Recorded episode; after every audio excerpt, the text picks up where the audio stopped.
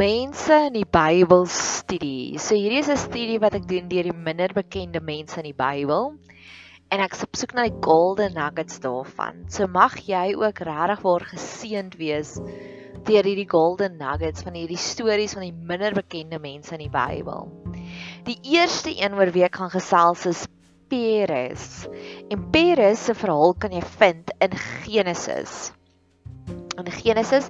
De Peres was Tamar en ek gaan nog gesels oor Tamar en al die amazing dinge wat met haar gebeur het en al die onwaarskynlike dinge.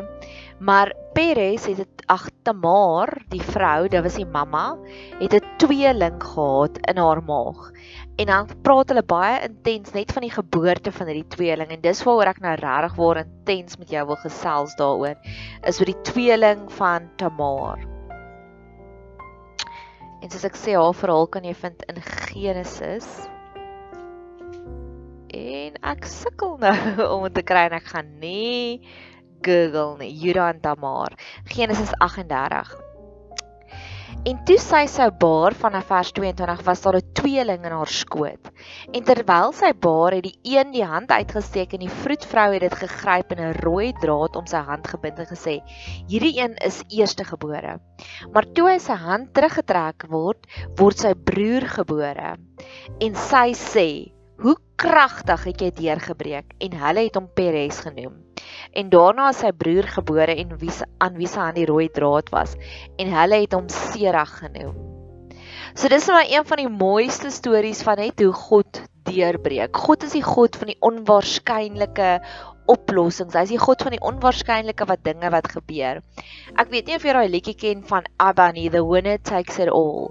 En God is die God wat sê nee. Hy is nie die God wat the winner takes it all nie. Hy gee vir almal 'n regverdige kans. Ek glo werklik waar dat God het vir ons kanne en kanne vol seëninge bo in die hemel en of ons nou Peres is en of ons nou sy broer is wat se naam Serag is wat heel eers deurbreek wat die waarskynlike een is wat lyk asof dit die wenner is. God het 'n wenner vir ons almal. Dis amper so ietsiekie. Jy weet dit is soos daai laaste 3 wat gedruk word in 'n rappie wedstryd. Dit is wat God is. God is die een wat selfs al kom jy tweede, sal God jou nog steeds help en God sal jou nog steeds seën. Dis die God wat al lyk like dit asof al die waarskynlikhede as if all the odds are against you, dan's God die God wat vir jou sê, ek gaan vir jou 'n peres oomblik gee. Ek gaan vir jou daardie tweede kans gee. Ek love die feit dat God is altyd die een wat op 'n upside down economy werk. Hy sê en, en Jesus sê die een wat laaste is sal eerste wees en een wat eerste is sal laaste wees. Daar's altyd 'n tipe van 'n skuif. Dis altyd die onwaarskynlike. Jesus sê aan die nederiges behoort die hele aarde. Hy sê nie aan die rykes, aan die mees kragtiges, aan die grootste boelies nie. Hy sê juis aan die nederiges. So mag jy dit sien dat daar is 'n peres oomblik vir jou vir elke situasie in jou lewe. En dalk is dit waar jy tans voel en jy voel, "O, oh, alles is teen jou en dit lyk so onwaarskynlik." Mag jy daardie peres oomblik kry. En die tweede ding is God is altyd aan die kant van die underdog of die buiteperd. Ek love daardie daardie voorbeeld van God is wanneer die hele wêreld teen jou is, hy het 'n peres oomblik vir jou reggemaak. So mag jy altyd die peres oomblikke sien in jou lewe. En die volgende verhaal waaroor ons gaan gesels is die verhaal van Orpa.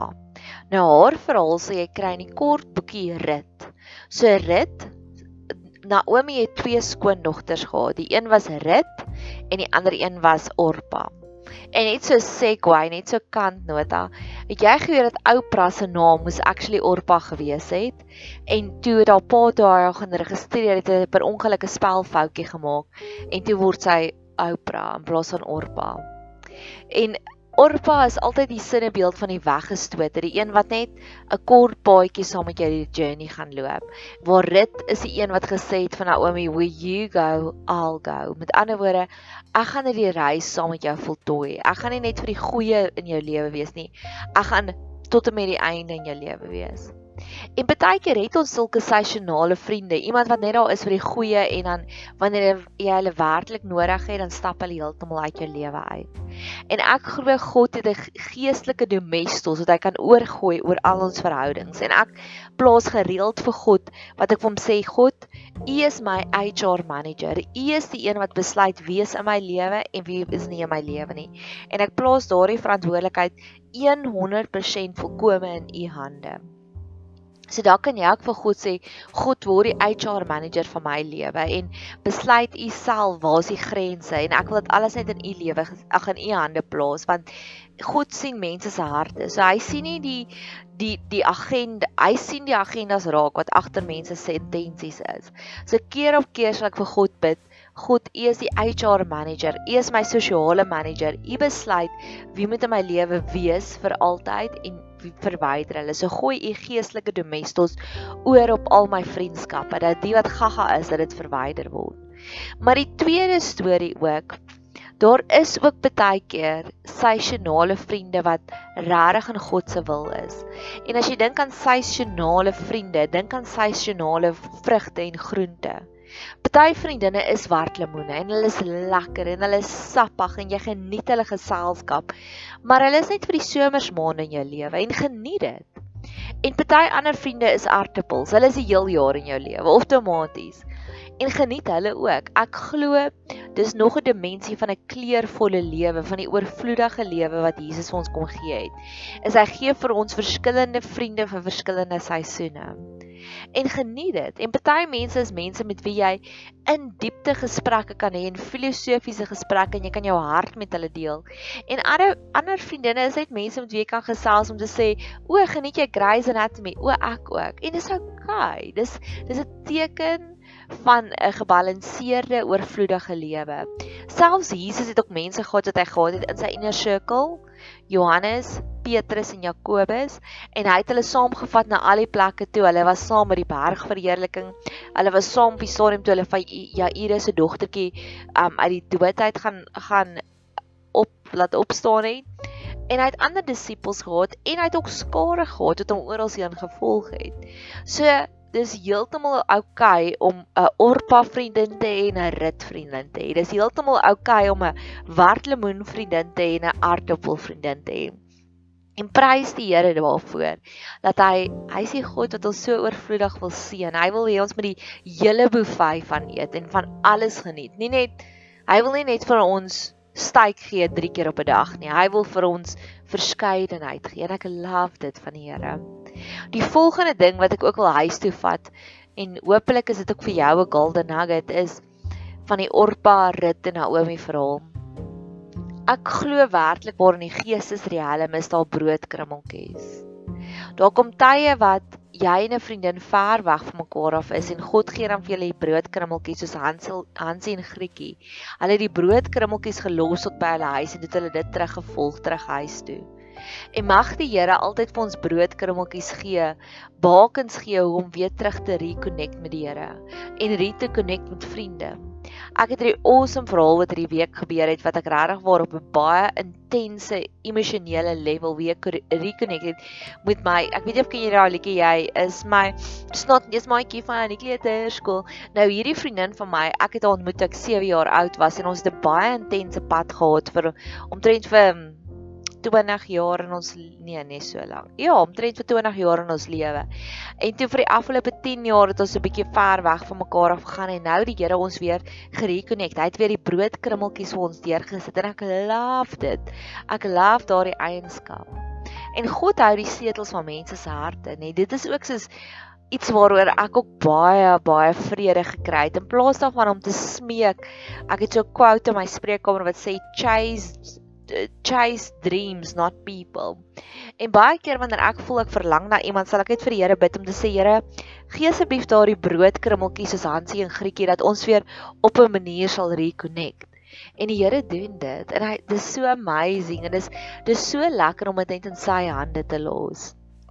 En dan die laaste verhaal van Orpa, Rut en Naomi met vriendskappe Ons kan net dit uitdeel wat ons al reeds ontvang het.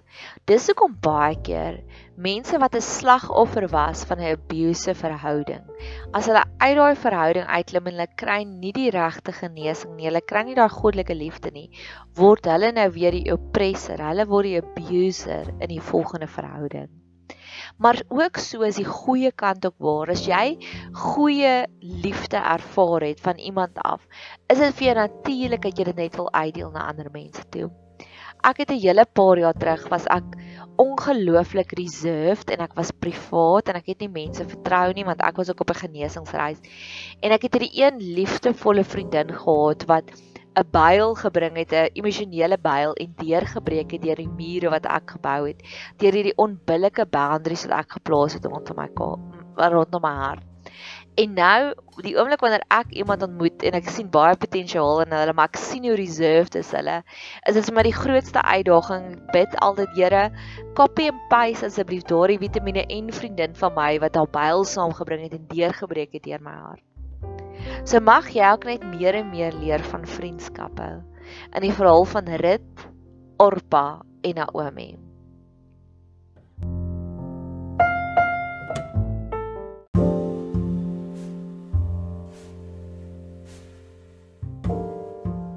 volgende een oor wat ons gaan praat is die verhaal van oud Neil. Dit klink amper soos oud meel, oud Neil. En dit is in die verhaal en dit kry jy in Rigters hoofstuk 1 vanaf vers 12. En Caleb het gesê, hy wat Kiriat Sefar verslaan en dit inneem, aan hom sal ek my dogter Agsa as vrou gee. Daarop het Otniel, die seun van Kenas, die dog, die jonger broer van Caleb, dit ingeneem en hy het sy dogter Agsa aan hom as vrou gegee. En toe sy aankom, het sy hom aangespoor om van haar vader 'n stuk grond te vra. En toe sy van die esel afklim, sê Caleb vir haar: "Wat wil jy hê?" En sy sê vir hom: "Gee my tog 'n geskenk omdat u my na 'n dor land versit het. Moet u vir my waterfonteine gee." Toe gee Caleb haar fonteine op die hoogte en fonteine in die laagte. So die eerste verhaal, die eerste golden nugget wat ek hieruit wil uithaal, is haar pappa Caleb het gesien, "Wow, my dogter is kosbaar." Met ander woorde, ek gaan haar nie sommer net met enige deeg geniet, met enige loser laat trou nie. Nee, nee, nee, nee. Hy moet perform. En as hy homself kan bewys as hierdie goeie sterk warrior wat hierdie stad, hierdie Kanaanitiese stad kan oorneem, dan eers sal hy waardig wees om my dogter. En mag ons almal, ek love dit om deur die Bybel te lees waar God net want God God word ook uitgebeeld as ons Abba Vader, ons Pappa God. Mag ons net so fees vier en celebrate van goeie pappas, goeie pappa voorbeelde ek het hierdie klip wat ek gaga vir jou wil speel. Dit kom uit 'n TED Talk uit, maar dit kom eintlik uit Finding Nemo uit. So, hoor net hierdie goeie pappa.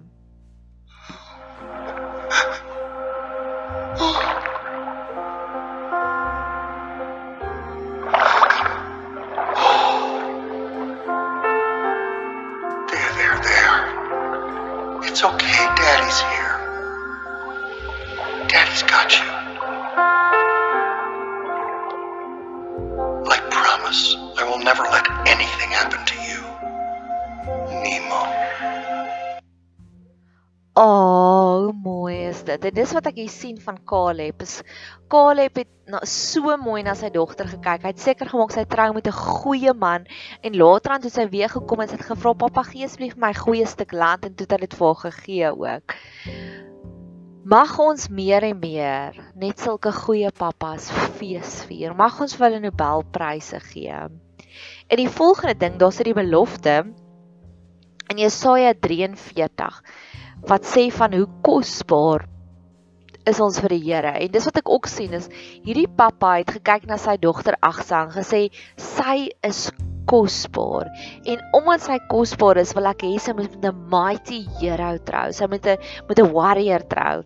En God sê dit ook vir ons. Hy sê omdat jy koslik is in my oë, hoog geag is en ek jou liefhet, Daarom gee ek mense in jou plek en volke vir jou lewe. So daar's hierdie geskenke van mense en dis presies hierdie pappa Caleb het gesien sy dogter is so koslik en so hoog geag en hy wou vir die beste mense in haar lewe gegee het.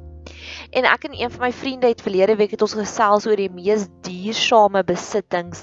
Hoekom is 'n sable of 'n wit swartwit pen soveel duurder as 'n rooibok byvoorbeeld? En hoeveel hoekom is 'n goonie bees soveel meer duurder as enige ander ander dier. En mag enige ander bees. En mag jy dit ook sien, daar was nog 'n voorbeeld van dier goed wat ons bespreek het. Maar nou kan ek dit ongelukkig nie onthou nie, maar mag jy ook besef as God na jou kyk. Dit was verlede week Vrydag.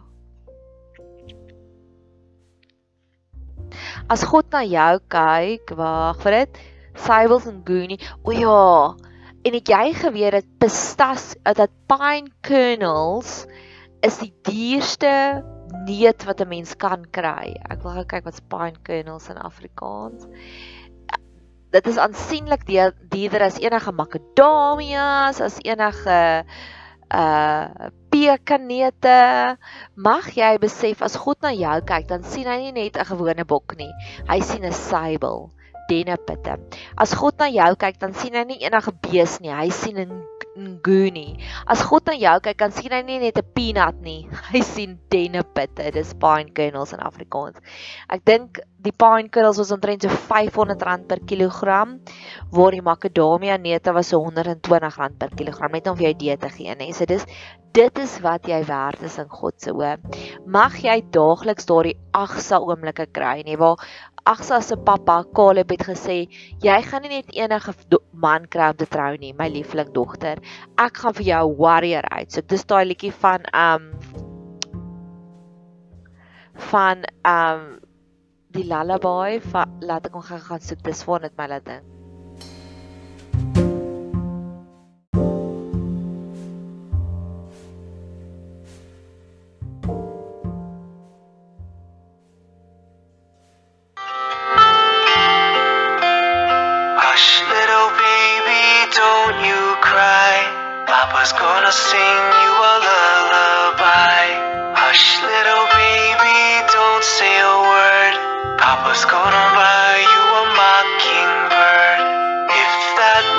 Mockingbird won't sing, Papa's gonna buy you a golden ring. If that gold ring turns to brass, Papa's gonna buy you a looking glass. If that glass begins to crack, Papa's gonna buy you a jumping jack. If that jumping jack is broke, Papa's gonna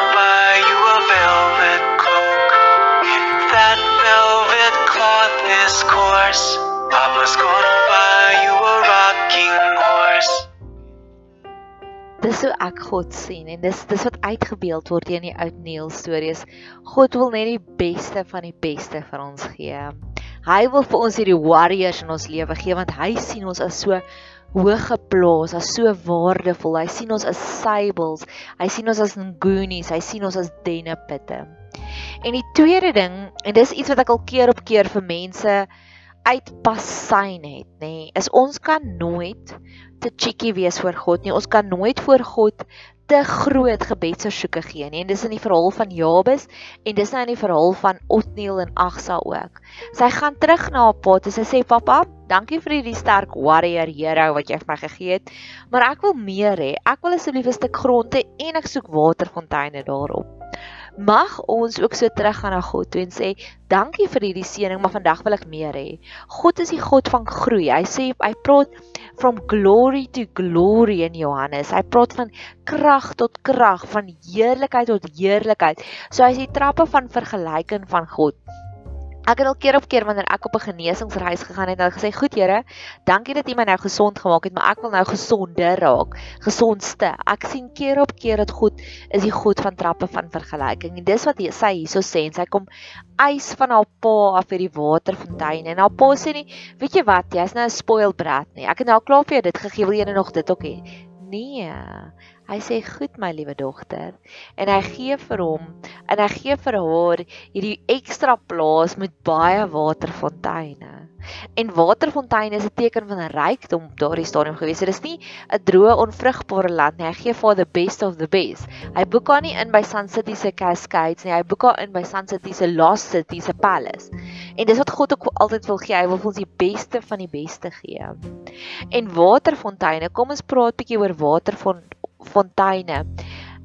Die waterfonteine kan baie keer simbolies wees na die Heilige Gees. So wat ek baie keer sal vir, vir Here bid is ek sal sê Here maak hierdie asseblief ook 'n 'n holy anointed trip.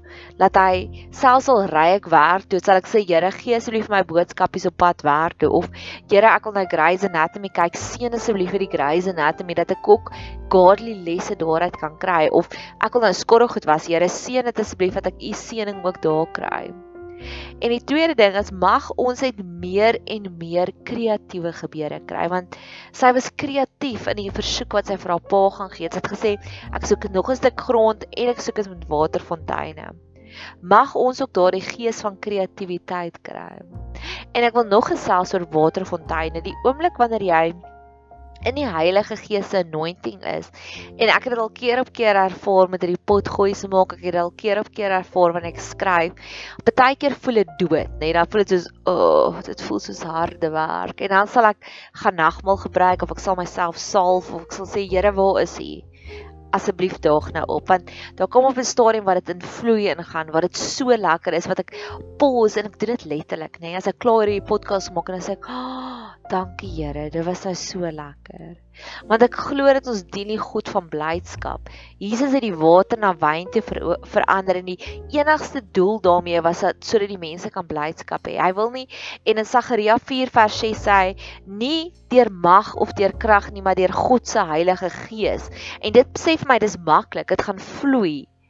So mag jy ook elke liewe ding wat jy doen, nie net bid vir boodskappe nie, nie net bid vir wysheid nie, want dis waarvan Salomo gepraat het. Hy het gesê wysheid staan op die straathoeke en sy skree uit. So elke liewe oomblik het wysheid in, maar mag jy dit ook ervaar dat God kom en hy kom maak dit maklik en lekker vir elke liewe ding wat jy gedoen, wat jy doen.